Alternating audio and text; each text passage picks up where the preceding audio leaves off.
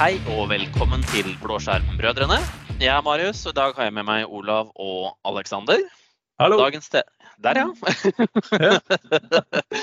Dagens tema er nyoppstarta selskap og hva man gjør med, med type IT-tjenester og sånne ting. Hvis man er to snekkere da, som finner ut at nå skal vi, nå skal vi starte. ja, da får man seg jo en sånn der online NO-adresse, ikke det man får. Altså får seg en Telenor e-postadresse, og så får man en bredbåndsrute fra Telenor, og så er alt på god sos. ikke det? Ja, i hvert, hvert fall før så var det jo, er det jo, eller har det vært mye sånn. da, Jeg har jo sett veldig mange, ja, både snekkere og alt mulig forskjellig. Nå, nå, jo, nå, nå fikk jo snekkere juling her, da, men uh, forskjellige håndverkere eller forskjellige ikke-IT-selskaper som på en måte da kjører med gmail-adresser eller forskjellige, forskjellige sånne ting. Ja, for man vil jo bare komme seg opp og gå. Altså man, vil, man, starter et firma, og så er det jo det du skal leve av som er viktigst. Så du vil liksom bare fort komme i gang, og så vil du kunne eh, gjøre noe du kan fakturere, sånn at du faktisk kan eksistere som et firma. Det er vel kanskje det som er nøkkelordet? Absolutt. Og um, hvor lang tid tar det deg å lage en Microsoft 365 eller for så vidt Google Eh, konto, Alexander, med et par, par, brukere? Det har vi faktisk gjort for eh, bl.a. sameie og litt sånn forskjellige andre ting som vi ønsker ja. å konsolidere fellesområder. Sant? Altså, eh, det er ikke alle som ønsker å gå inn i disse bofellesskapene som Obos og Bob. Så det å bare ha et filområde, et chattområde og ha en struktur, så er veldig mye gjort. Altså, det absolutt bare minimum av innsats er gjort på to til fire timer. Ja, for der, der kommer du faktisk inn på noe, det med, det med, å ha noe felles som er koblet opp mot noe eh, som et eh, sameie, som du nevnte som et eksempel her. Dere vil jo fortsatt være pålagt å kunne dokumentere en god del ting, og dere må fortsatt ha noen rutiner.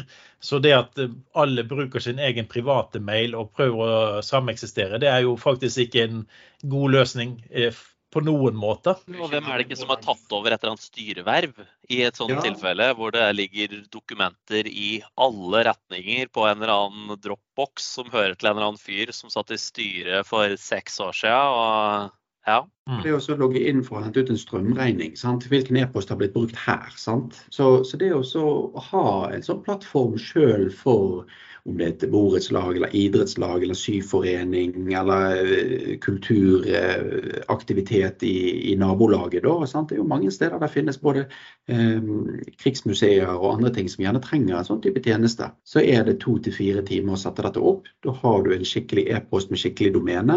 Og det er lett å legge på en nettside, men det kan gjerne koste litt ekstra. Men en sånn tjeneste koster type 500-600 kroner i året. Og da har du en skikkelig mail, et fellesområde, du har filområde, du har alt. Mm. Du, du kom inn på noe ganske interessant der som gjør at man må ha noe ordentlig registrert. For det, det med å hente en regning i banken, eller det med å ha tilgang Du har kjøpt et system, eh, og så har du da en eh, styreleder som slutter eller forsvinner av en eller annen, eh, av en eller annen grunn, og så må du da risette passordet hans. Eh, eller du må verifisere at det er ditt domene osv. Du har mange sånne grunner som gjør at det er ikke så lett å komme, komme unna med å ha en privat e-postadresse. For de vil gjerne si at ja, for at du skal kunne verifisere ditt domene, så må du legge til eh, disse verdiene her i DNS-en din. Ja, men jeg kan ikke få gjort det på online.no-domenet. Eh, liksom. Altså, det er veldig mange sånne ting som gjør at du, du må ha et offisielt domenenavn, og du må ha noen som kan eh, administrere det for deg, selv, eh, for deg hvis ikke du gjør det selv. Da. Ikke minst bare det å ha dokumentasjon, informasjon, historikk, videoer, bilder. Skal du pusse opp et gammelt bygg og du ønsker å ta vare på bildene for arkivs skyld, så må du ha et sted å legge disse, disse filene. Det å kjøpe disse tjenestene koster like mye penger som å ha en skikkelig e-post. Men du får det med på kjøpet. Mm. Er ikke ekstern e-post godt, da? Nei, ekstern, eh, ekstern disk godt, da? Marius, gå vekk og vær. Men vi kan jo tenke litt for, eh, for, en liten eh, bedrift. da, altså Hvis vi tenker hva skal til for å starte, starte opp med noe som fungerer eh, greit nok, så er det jo veldig avhengig av hva bedriften driver med. da, Men, men vi ser jo helt klart at et godt sted å starte, som nesten blir første skritt, er jo e-post. Eh, altså maildomener.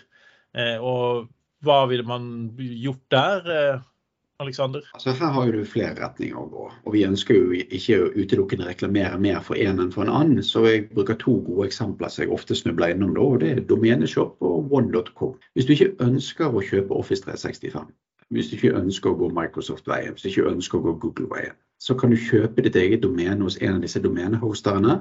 Det koster deg et sted mellom 100 og 200 kroner året for å eie ditt eget .no eller .com-domene. Så det er en sånn årlig kostnad på 100-200 kroner. I tillegg så koster det et sted mellom 10 og 40 kroner måneden for å ha opptil ubegrenset antall e-poster og en 15-100 gigabyte lagring. Og den lagringen den kan du enten bruke per, på e-post, eller du kan bruke den på hjemmeside. Så da kan du velge hva du ønsker å putte på disse tjenestene. Men det er, det er, veldig vanskelig å komme seg under en 500 kroner året. Men du skal egentlig være veldig flink for å gå i fele og bruke vesentlig mer enn 1000 for å gjøre det simpelt i start. Mm. Men jeg, jeg, tenker jo at det som er det viktigste, er jo at du må ha den domenet må du jo ha. Du må ha et domene du registrerer deg mot, så du har kontroll over. Både pga. at du kanskje lager nettsider, men e-post og den typen ting. Eh, men jeg tenker jo det å administrere dette gjennom en av disse portalene som selger domenene, det etter min erfaring er relativt tungvint. Det er greit å sette det opp, men de, de har ikke de mest innovative verktøyene.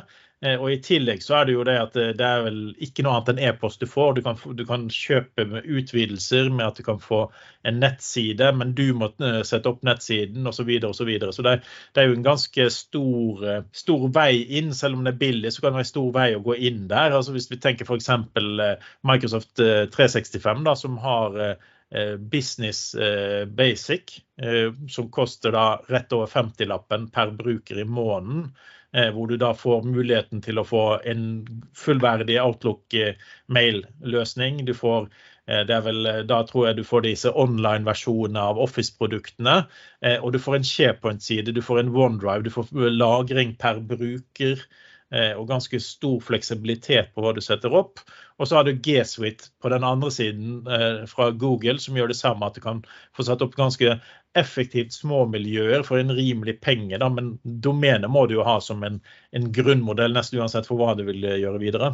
Det er et veldig godt poeng, Olav. Og eh, For å sammenligne da, så har jeg satt opp for, for noen da, så har jeg satt opp et eh, system der du har et domene Eh, fra one.com, og du har en nettside. 100 GB lagring. Det koster, eh, det koster 40 kroner måneden. Eh, der har du egentlig ubegrenset antall e-postplasser, men vi har valgt å flytte DNS-pekerne for e-post til Office 365. Så vi betaler jo da dette for nettsiden. Og så kommer det i tillegg rundt 50 kroner måneden for Office 365. Og det, Da har du e-postbeskyttelse, fellesområde, du har nettside og alt sånt. Og mange av disse sidene her de støtter sånn one click oppsett av nettsiden. Så det mm. trenger ikke være så skummelt som det høres ut som det har blitt lettere. Men det er gjerne en, det absolutt bare minimum. To til fire timer. Skal du få en nettside og gjøre det litt mer avansert med gode systemer, så er det gjerne en liten dags jobb. Sånn røft regnet. Men det er ikke så skummelt og det er ikke så vanskelig som man trodde. Men det tar, ja, det tar egentlig ikke så mye lengre tid enn å lage en hotmail. For du må jo snart bekrefte at du ikke er en robot. Og de kan jo være utfordrende nok å løse de i seg sjøl. Mm. Men jeg, jeg, kommer kanskje inn på et eh, godt råd. Eh, Marius, hadde du gått for en eh, selvoppsatt webside fra la oss bruke snekkerfirmaet her, at du hadde satt en av snekkerne til å lage en webside for å få reklamere for bedriften din? Er det den løsningen du hadde gått for? Først, først lære HTML, CSS, Javascript, liksom fra scratch. Sitte noen uker med det uten å på en måte drive med fakturerbart arbeid. Og ja, så liksom investere noen månedsverk til å begynne med for å få opp den sida. ja. ja. for vi har jo kommet så det, det, er jo lett å gjøre en basic-løsning, men, men det, du vil jo gjerne ha noe som gir noe for firmaet ut. Så, så, jeg ville faktisk vurdert litt på å få inn en designer som kan hjelpe deg med en side. Selv om det er lett å bruke en mal, eh, så må man vurdere hva man skal gjøre. Om man skal bruke dette her som en, en businessmodell, altså hvor du faktisk kan bestille noe, eh, eller om det skal bare være en side med kontaktinformasjon. Da er det lett, men med en gang du skal gjøre noe litt mer avansert, så kan det vel være fornuftig å tenke litt mer i, i andre baner. Ja. Jeg, altså, jeg, jeg, tror ikke det er, det er ikke så veldig mange i hvert fall andre håndverkerfirmaer som får veldig mye business inn via nettsida si, tror jeg. Så lenge de har kontaktinfo og litt info om hva de driver med, så tror jeg egentlig Og, og hvis det da ser helt OK ut at de har brukt en eller annen mal, så tror jeg den kommer langt. Men det er klart hvis du skal drive på en måte drive inn kunder via web, det er klart da er det noe litt annet. Mm tenke litt annerledes på det. Eh, hvis du først har reklame på kjøretøyet ditt, uansett om det er pølsemaker, bakeri eller om det er fiskebil eller noe sånt, så er det litt sånn kjedelig hvis det liksom kommer sånn byggmester Olav Tvedt, og så står det Olav, Olav er super at hotmail.com. Eh, det sier litt om imaget til bedriften. Og det sier litt om det at enten er dette et oppstartet, eller vi tar liksom IT som en sånn venstrehåndsting. da. Eh, så det å bare gi et image om at dette er et etablert selskap som faktisk har litt ansatte, mer enn én til to, så du kan generere business bare av at bilen står parkert på kjøpesenter og til en skikkelig e-post, istedenfor en litt sånn shady e-post. Mm. Og så er det jo fordelene med å gå for en, en løsning som ikke bare gir deg funksjonaliteten, men også tar høyde for sikkerheten din. Eh, du skal jo ha backup av dette, og du skal kunne ta restore og du skal sørge for at det, blir det spam, så blir det vasket bort. Og, og jeg tenker sånn som det var, eh, Hvis vi går tilbake i tid, så var det sånn at vi, vi, tenkte at hvis du var fem personer eller mer, så kjøpte du en mailserver, da, typisk Exchange Small Business, altså eh, Windows Server Small Business Edition med Exchange var et godt eksempel. Men da tenkte man liksom, er du fra fem og oppover, så kjøper du den typen løsning. Og så hadde du først fått mailen din, så måtte du ha antivirus for mail, og du måtte ha antispam for mail, og så måtte du ha ditt, og du måtte ha datt, du måtte ha backup osv. Så, videre, så, så sånn tradisjonelt sett så var det også å starte en ny bedrift hvis man står på IT-kostnadene. Det var en ganske stor jobb, tok mye av investeringskapitalen du hadde, altså det var Capex, eh, som gjorde at du måtte investere penger og da brukte du kanskje det du hadde behov for å kjøpe, hvis vi går tilbake til våre eksempler, det du hadde behov for å kjøpe hammer og sag, så hadde du allerede kjøpt en server, så du hadde faktisk ikke verktøy til å gå ut og gjøre jobben din lenger. Sant? Ja, det er et kjempegodt poeng, Olav. Og, og jeg syns du sier det godt her med Capex og Opex og litt sånn forskjellig. For det å bruke to til fire timer på å få en god business opp å kjøre, med nesten faktureringssystem, billingssystem og absolutt alt som er på veldig liten tid. Eh, sånn at du kan skalere opp denne bedriften og få den bærekraftig og levedyktig, da, så er det veldig lite tid. Så slipper du å bruke så veldig mye penger i oppstartsfasen når du har lite penger fra før. Så man må ikke bruke flere titalls tusen kroner for å komme i gang på et IT-perspektiv. Men her kommer jo en kjempeviktig ting da med disse skyapplikasjonene som du sier, Olav. Før så måtte man gjerne kjøpe Office-pakken å måtte kjøpe alle disse tingene. I dag må du også kjøpe en skybasert lisens på disse tingene, så kan du bruke privat-PC-en din, logge på skyen og drive arbeidet videre der. Så det er veldig masse man slipper å gjøre. Og dette var vel gjerne litt av grunnen til at mange småbedrifter som startet opp, valgte å bruke privat-e-posten sin. Fordi at det var så kostbart å få en skikkelig mail og en skikkelig nettside før. Og Hvis du først etablerer kundekontakt med en online.no-mail, så er det veldig vanskelig å eh, skifte over til en ny mailadresse. Sant? Altså, det vet vi nå. Vi har vært med på å bytte domenenavn på firmaet. Altså når firmaet bytter navn, hvor tungvint den prosessen er. Sant? Og det, det, er ikke sånn at du bare kan overta en online.no eller en hvilken som helst annen e-postadresse som er privat, og bruke den i bedriftssammenheng heller. Og Det kommer jo litt GDPR inn i, i, disse sammenhengene i disse dager også. Litt ofte så ser jeg at de oppretter en gmail eller hotmail som er privat, men med en business alias. altså type gullsmedtvedt.gmil.com. Mm. Så man ser at dette er en businesskonto, men det er ingen businesskonto. Nei. Nei, Man faller ikke under en god del ting som hadde vært naturlig å ta um, høyde på for en stor bedrift. Men vi kan jo se litt videre. Nå har vi egentlig snakket om eh, dag én, føler jeg. Sant? Altså dette Før du starter firmaet ditt, så skaffer du et domenenavn. Eh, og så får du en tjeneste. og jeg tenker Bare for at eh, vi er veldig glad i Microsoft, så sier vi at vi går nå videre, og vi har gått for Microsoft 365 Business Basic. Eh, som da koster 50 kroner i måneden. Eh, og så kan vi jo se litt på hva vil det gi oss som en bedrift, kontra hvis vi hadde vært en gammel bedrift som har dette fra før? Hva er forskjellen på et nyoppsatt Microsoft 365-miljø og et gammelt Microsoft 365-miljø? Så Har, har, du en ny tenant, så kommer jo den fresh med en del sikkerhetsinnstillinger påslått fra før. Altså Det er jo en del krypteringsteknologier og det er en del settinger som er gjort for deg når du kommer i disse nye tenentene. De må du manuelt slå på hvis du har en gammel tenner. Mm. Så si at du startet uh, Gullsmedtvedt uh, for ti år siden, og du har egentlig bare brukt den til uh, alias og e-post, men ingenting mer. Kjørte B-post? Ja, B-post. Ja. Yep. nå, nå ønsker du å ansette både Solbakken og meg og starte stor business og selge gullringer for harde livet. Og da er det litt sånn at du må gjøre litt vedlikehold i tennene din for å være a jour, kontra det å opprette en helt ny tenner. Mm. Nei, så, så, på de nye så får du eh, slått på en del ting som ikke var på som default før, bl.a. MFA. altså Setter du opp nå, så er jo MFA en ting som er påslått. Eh, du behøver ikke tenke på det, men hvis du har et gammelt miljø, så ser vi jo at det eksisterer Prosentdelen aner ikke lenger, men han var jo i sin tid 70-80% som ikke brukte MFA ennå de hadde det gratis. Eh, så, så det ja, sånn skumle greier. Og sånt, og så er det jo en security default som står på som, som, standard, og da er det MFA og hele pakka. Så det er jo ikke noe det, det er ikke noe ekstra kost eller noe sånt knytta til det heller. Så da har du fortsatt de 52 kroner og 90 øre per per bruker per måned for Business Basic, og da har du jo full, mm. full MFA og hele pakka. Og der, Den eh, security eh, default den syns jeg er faktisk veldig fascinerende. For at, eh, det er ikke bare en, et sett med settinger Microsoft har slått på, og så er de ferdig med det. Det er faktisk en sett med innstillinger som ble vedlikeholdt av Microsoft, så den vil mm. bli justert. Så det er ikke det at du får en Dette er det som er sikkerheten i dag. Sånn som vi fikk for ti år siden, så fikk vi dette anbefalt i dag. Eh, eller for fem år siden, så fikk vi den, den oppsettet. Eh, og så må vi selv sørge for å vedlikeholde. Men hvis du kan bruke security-defaulten, så har du noe som blir vedlikeholdt av Microsoft, selv om du kanskje kan eh, dette ned i problemer av og til hvis det skjer noe.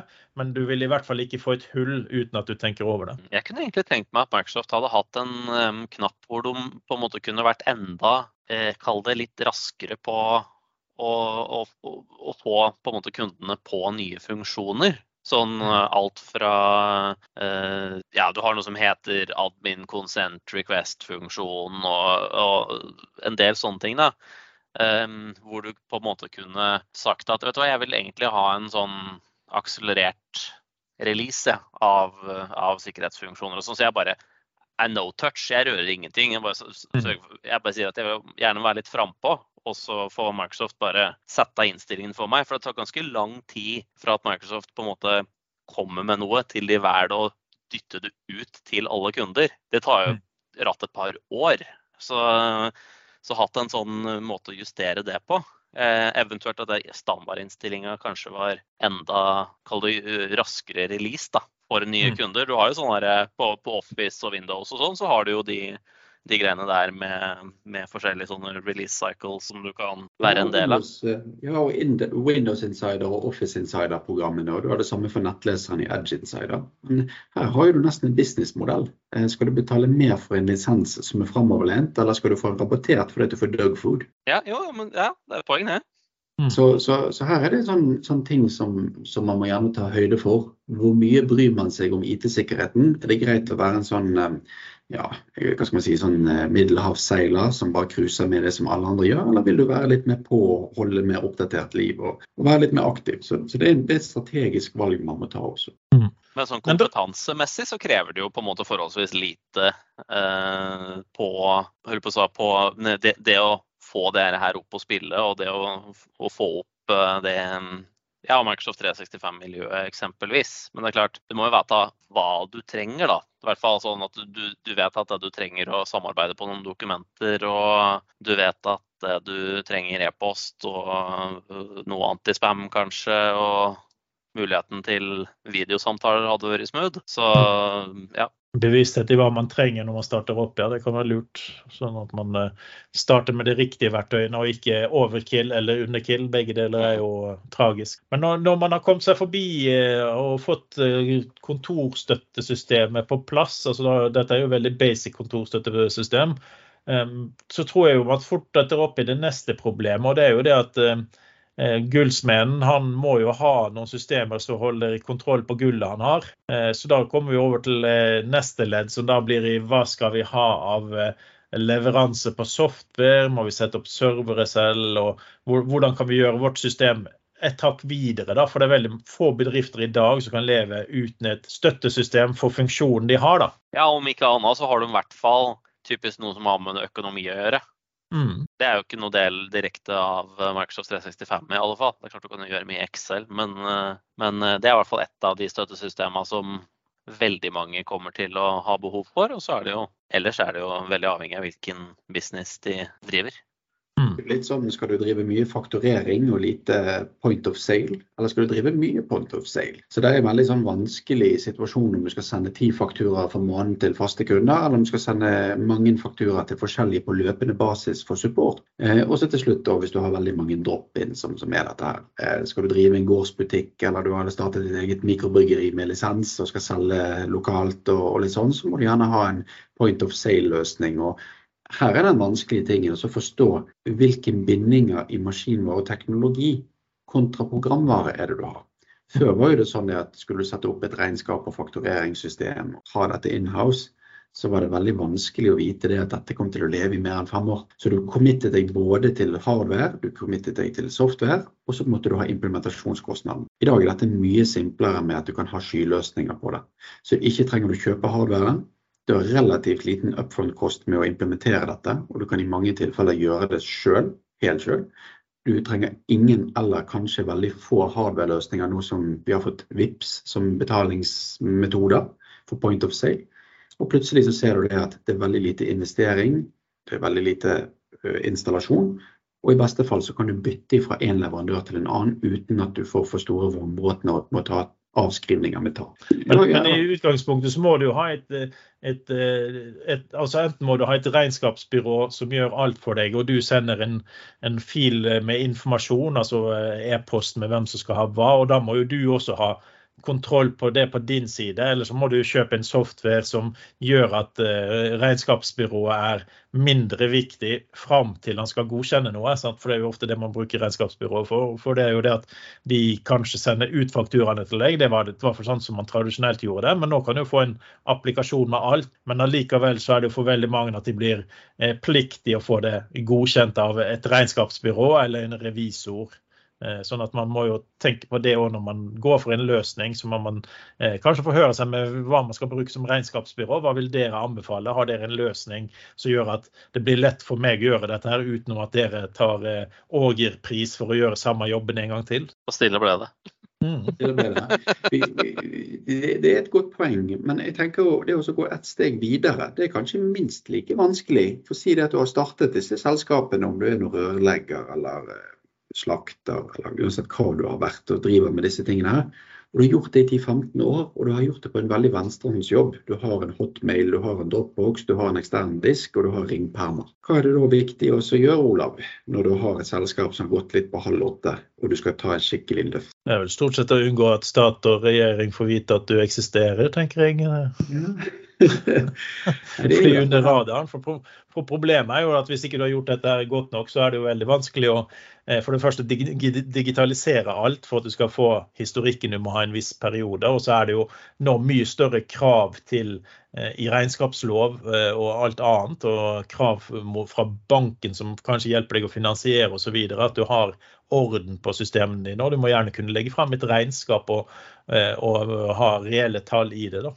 Ja, for det er vanskelig det. Du kan eh, selvfølgelig bestille disse tjenestene for andre, men det å ha orden i papirene og systemene er jo det du sjøl er pliktig til å ha. Så selv om du har et uh, gammelt uh, selskap, så kan jo du være et nyoppstartet selskap i sky. At du skal ha en digital tilstedeværelse.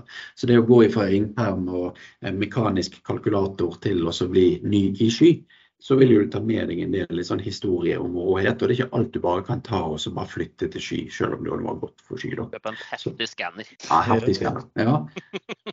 ja, det er et veldig godt poeng, da. Liksom kall det uh, ja, bli en sånn uh, ja, born again i skya-type uh, selskap. Ja. Liker det. Ny i sky, det er et nytt slagord. Ja.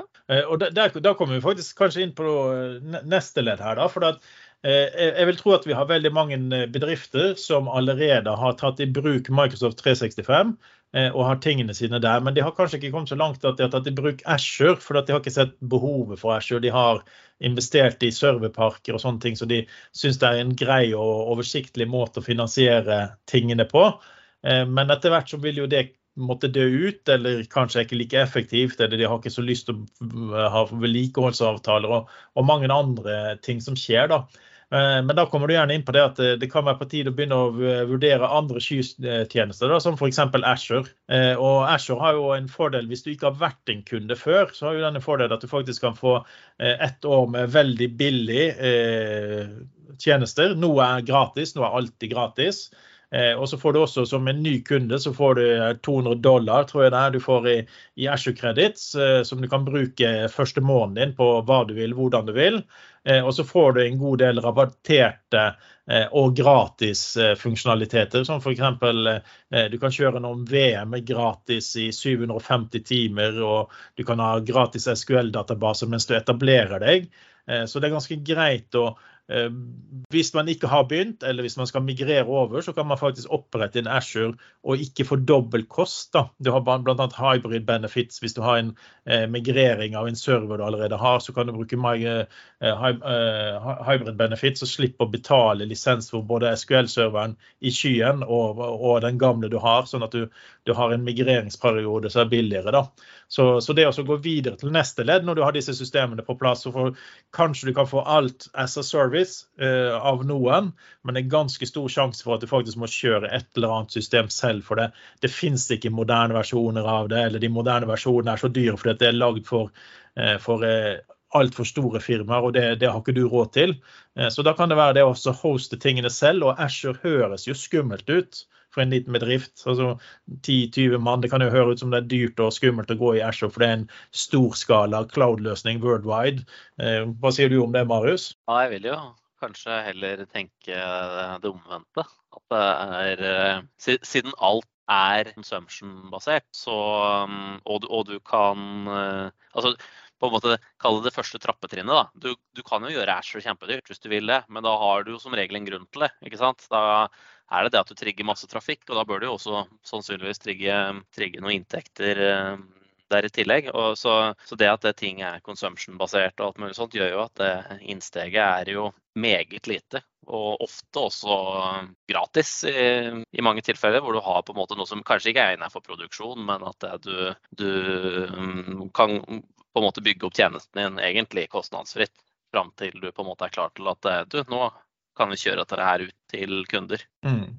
Det er jo også derfor uh, Azure har fått den uh, første tolv månedene mye gratis, uh, en del kreditt og mye muligheter som gjør at du, du, faktisk kan se at dette går bra, og så kan du fortsette å bruke det og begynne å betale for det når du fått, har fått det opp å kjøre istedenfor å måtte ha høye utgifter. For jeg bare tenker Før, når du startet et lite firma, så gikk du gjerne ut og så måtte du kjøpe deg tre-fire servere. Eh, og det koster ganske mye penger. Eh, og det er tungvint å sette dem opp. Du må vedlikeholde dem alt mulig sånn. Og hvis du nå kunne da gått opp og tatt en database som ligger i Asher, altså en Cosmos DB, som er en veldig billig, i noen tilfeller gratis database, eh, så kan du ha løst det som før kostet én server pluss software på den. Ja, og så er det viktig å huske på at dette er ikke skummelt. Men det er alltid greit å dobbeltsjekke en del detaljer før at ikke du bare plutselig finner ut det at det kan jo være lurt å slå på public protection av eh, public IPs med DOS-angrep. Eh, da har jo du 200 dollar som varer et kvarter. Ja, ja da. Eh, du, bør, du, bør, vite hva du gjør når du går over i. Det er vel kanskje selvfølgelig et nø nøkkelord her. Eh, men samtidig så må man tenke på at hvis man kan seksjonere inn hva du er ute etter i Ashore, så er det ikke så vanskelig å forstå det, eller få inn folk som kan hjelpe deg. Sånn, for at Ashore virker som å være et dyr, et monster av et dyr. Eh, når det gjelder muligheter eh, og skalerbarheter og alt mulig, så gjør at jeg tror veldig mange føler seg redd for å bruke det, fordi de tror at dette her er en super enterprise-løsning. Mens i realiteten så har du fått små firmaer kan leve veldig godt med lave utgifter i Ashore, og de kan få det de vil, og de kan få det eh, beskyttet på en helt annen måte enn det, det de hadde fått gjort hvis de skulle ha, ha det stående i sine egne datahaller eller sitt eget serverrom. Sant? Ja, altså Nå har ikke jeg fått, uh, fått, sjekket disse tallene, og jeg har ikke fått validert de. Jeg rakk ikke det før podkasten. Men jeg er ganske sikker på at Microsoft har et større budsjett på sikring og sikkerhet enn det byggmesterselskapet har. Ja, jeg er sikker på det. Ikke hva du mener. Ja. Så, så, jeg sitter litt med en følelse av at det er litt tryggere. Mm. Og så er det jo egentlig det som eh, både er fordelen. Vi har begynt å snakke om eh, Office 365 eller Microsoft 365, og så gikk vi litt inn på Asher. Eh, og det som jeg anser som en av de største fordelene med å bruke den typen verktøy med, i forhold til å bruke en mindre leverandør som setter opp en mailservice for deg, setter om webservice for deg osv., det er at du faktisk kan gå inn og så kan du se på forbruket ditt fra dag til dag. Eh, du kan gå inn og se på hva du kan gjøre for at tingene skal være sikrere, eller hva du skal gjøre for at det skal kjøre bedre. Altså De har tips og triks som er veldig lett tilgjengelig. Eh, I motsetning til å sette opp en webtjeneste og også en, også en hoster. da. Så her vil du få gode tips hele veien. Da. Ja, det, er et godt poeng. Mm. Eh, lokale partnere har jo selvsagt sine fordeler. Sant? Hvis du ringer til, til en kiosk i nabolaget ditt som driver med PC og litt sånn, så er jo det denne nærheten av den støtten der. Men Bruk gjerne de lokale til det de er gode på, og så bruker du datasenteret og skyen til det, det som er godt på. Mm. Ja. ja. Men vi har jo kommet ganske godt opp i, i en installasjon av en ny organisasjon, eller migrering av en gammel eh, organisasjon som ikke har hatt eh, skytilstedeværelse allerede. Er det noe vi ikke har tenkt på nå? Vi har fått med oss kontorstøttesystemene. Vi bruker ofte eh, software as a service. Glemte vi å si at det er egentlig det vi snakket om når vi snakket om disse systemene med, med økonomi da, som du ikke bør tenke på, men du har tilgang til. Og så har vi da snakket om at uh, Azure eller Amazon eller Google har jo sine datasentre med tilsvarende funksjonaliteter, og alle har den holdt på å si, første skuddet gratis-mentaliteten, så du kan få teste ut løsningene før du går videre. Så, så du, du, har jo ganske mye for en liten nyoppstartet bedrift, eller for en bedrift som ikke har fått sin skytelstedeværelse på annet enn e-post, så har du mange muligheter, da. Ja, helt klart. Jeg ser uh, Microsoft 365 og én måned kostnadsfritt, ser jeg. Ja, sant, så du får teste det ut derfra også. Så, så. Men uh, skal vi sammenligne lisenser sånn veldig kjapt Alexander, med hva er forskjellen for, eh, for, disse business og disse fullprisede produktene? Noe man bør tenke på for, for eh, hva man burde ha gått for? Ja, det er noen fallgruver. Ehm, du får veldig Altså, det som gir best og flest funksjoner, er jo gjerne disse Enterprise-pakkene. Og det er jo litt i navnet, de er jo ment for Enterprise. Kjøper du de største Enterprise-pakkene, får du flest funksjoner. Men de er jo ganske kostbare. Så er det noen business-pakker er jo ment for nettopp business, men de har noen begrensninger. Og det er vel er det 300 eller er det 350 ansatte per 300 er det brukere, maks 300 brukere. Ja, så det er opp til maks 300 brukere. De gir litt færre funksjoner, men som aller oftest mer enn nok. Og det eksempelet Marius har fortalt om tidligere, Small Business Basic, så gir deg Office-pakken i sky. Så du får ikke installert den på datamaskinen din, men du får den på telefonen din og du får den i nettleseren din. Du får 1 terabyte med lagringsplass i SharePoint, du får masse lagringsplass i dette. Det koster 52 kroner. Kjempegodt produkt for en business som har to-tre ansatte og koster veldig lite for måneden. Eh, og til slutt så har man jo da selvfølgelig disse ekstra add-on-pakkene man kan krydre med i tillegg rundt omkring. Eh, men så er det verdt å vite det at hvis du ikke ønsker å sette opp disse Office 365-produktene, så kan man jo da gå til one.com eller domeneshop og få mail integrert i DNS-en din og alt slik som dette her, selv om den gir enda færre funksjonalitet. Mm. Det er sånn typisk det du er ute etter da, det er egentlig bare å sende og motta mail. Du har ikke behov for noe eh, konferanseting eller møteting og, og, den typen ting. Da. Det er det at du vil kunne sende og motta mail som er hovedbasisen da, tenker jeg. Ja, eller fillagring. Det er jo minst like viktig. Noen som er særlig gode på det? Det er kanskje det? Ja, jeg ble veldig skeptisk på den der, Alexander. Fillagring på eh, Altså hvis du tenker profesjonell fillagring fra PC-en din, så vil du vel gjerne ha en bedre knytting mot hvor det er lagret til, eh, til hva du henter det fra og den typen ting. da, Autentisering og litt sånn forskjellige ting. Nettopp. Så du får ikke en god fillagring på disse uh, hostene. Så uh, nå må du opp til Google eller Microsoft-løsninger. eh, hvis, du, hvis, du, vil ha en god filagringsløsning, så må du betale ekstra for det. er mm. sånn det er. Ja.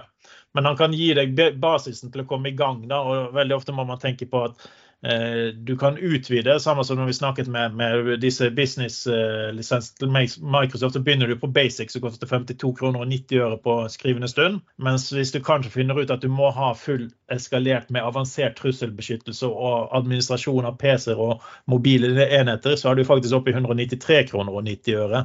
Altså, eh, det blir ganske mye dyrere, men det er fleksibelt å begynne, og det er fleksibelt hvor mange som skal ha de forskjellige lisensene. og du kan, Når du passerer 300, så kan du gå opp i andre typer lisenser. Eh, så det, det å tenke det at eh, finne ut hva du må ha Eh, ikke tenk ut på hva du kanskje trenger om et år, som er det viktigste. Kanskje du bare behøver den e-posten for å kunne sende og motta post det første halvåret, det første året, til du begynner å få ting på plass. Så da er det ikke vits å bruke for mye unødvendig penger. og Det er jo egentlig det som er fordelen med skyløsninger, kontra det å måtte kjøpe seg en server for exchange, backup osv. Innsteget er så lite, ikke sant. Det er, eh, du snakker 50-lapper, og da er det på en måte ja, du, du får det ikke stort billigere enn det, føler jeg. Det er lite Nei, du kan kjøpe blir... på butikken for en femtilapp. Ja, sant. Det blir veldig mye arbeid hvis du skal gjøre det billigere enn det, for å si det sånn. Ja, en pose med kaffe koster vel en 70 kroner eller noe sånt nå. Så um, tror den femtilappen er, er overkommelig for de fleste. Ja. ja. Det høres ut som du drikker god kaffe, Marius. Å oh, ja, ja, ja. Jeg kjøper ekstra sin til 1690. Ja, ja. Det.